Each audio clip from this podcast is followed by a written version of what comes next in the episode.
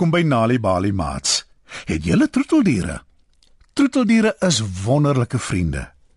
Partykeer word ons diere vriende siek en dan moet ons hulle na 'n veearts toe vat.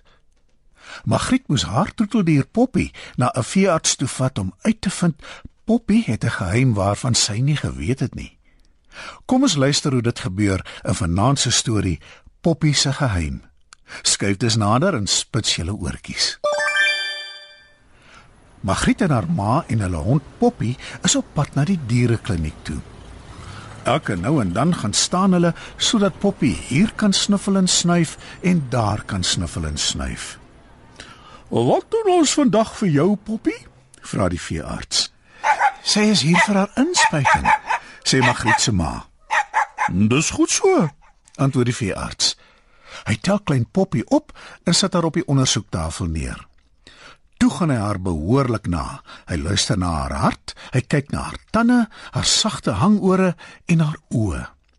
En toe gee hy vir Poppy haar inspuiting sodat sy beskerm is teen allerlei aaklige siektes.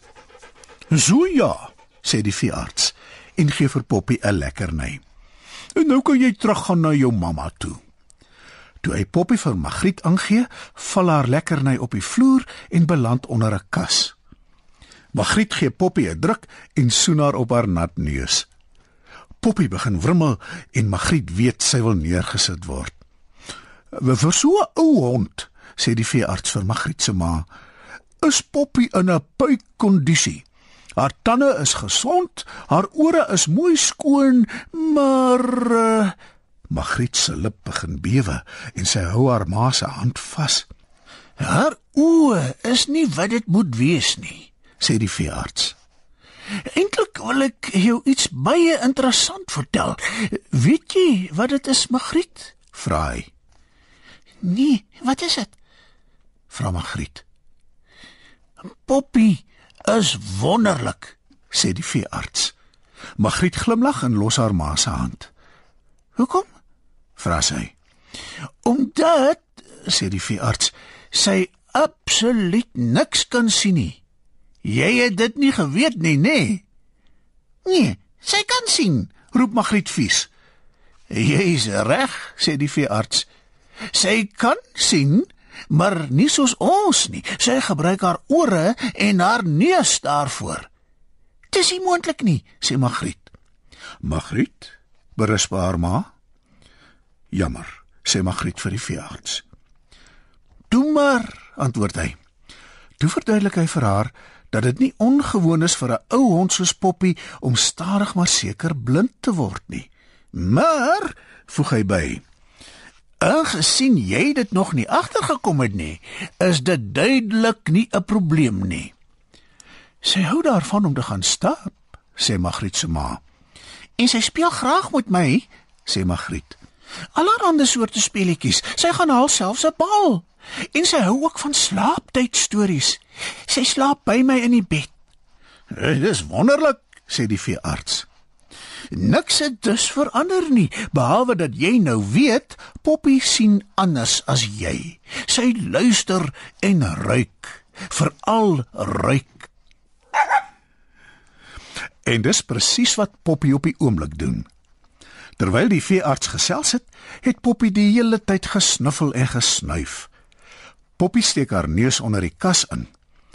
Magriet, haar ma en die veearts hou op praat en kyk hoe Poppy onder die kas uitkom met haar lekkerny wat vroeër op die vloer geval het in haar bek. Uh, "Sien jy wat ek bedoel?" vra die veearts. Magriet en haar ma glimlag. En toe, in plaas van om reguit huis toe te gaan, besluit hulle om met Poppy te gaan stap. Magriet maak haar oë toe om te voel hoe dit moet wees om nie te kan sien nie, soos Poppy. Maar alhou sy haar ma se hand vas, loop sy die heeltyd in goed vas. Intussen volg Poppy net haar neus en sniffel aan die een interessante ding na die ander op die strand sonder om in enige iets vas te loop.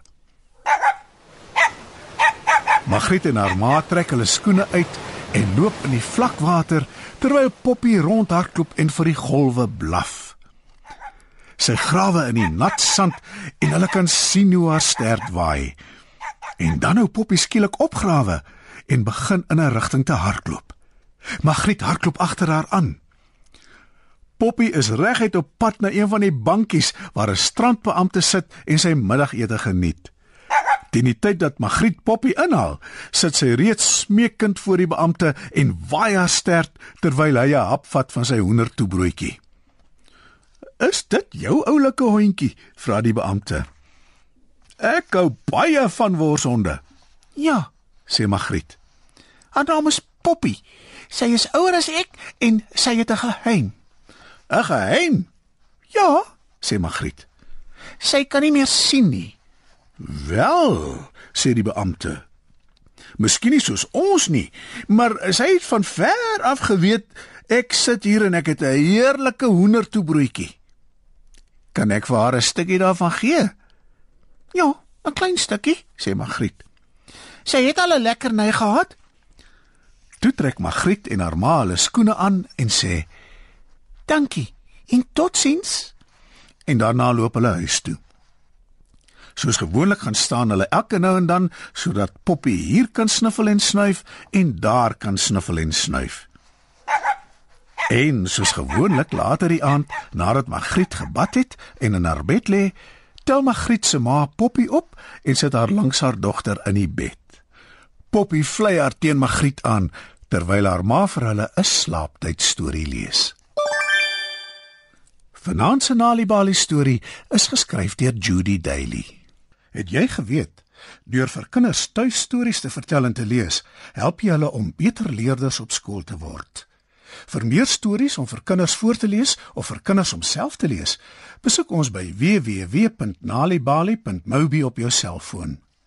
Daar sal jy heelwat stories in verskeie tale absoluut gratis kry. Jy sal ook wenke kry oor hoe om stories vir kinders te lees en met hulle te deel sodat hulle hulle volle potensiaal kan ontwikkel. Story Power. Bring dit huis toe.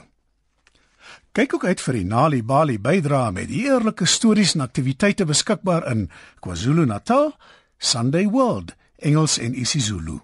Gauteng, Sunday World, Engels en isiZulu. Vrystaat, Sunday World, Engels en Sesotho. Weskaap, Sunday Times Express, Engels en isiXhosa. Ooskaap, The Daily Dispatch Dinsdae en The Herald Donderdae, Engels en isiXhosa. Nali Bali is ook op Facebook.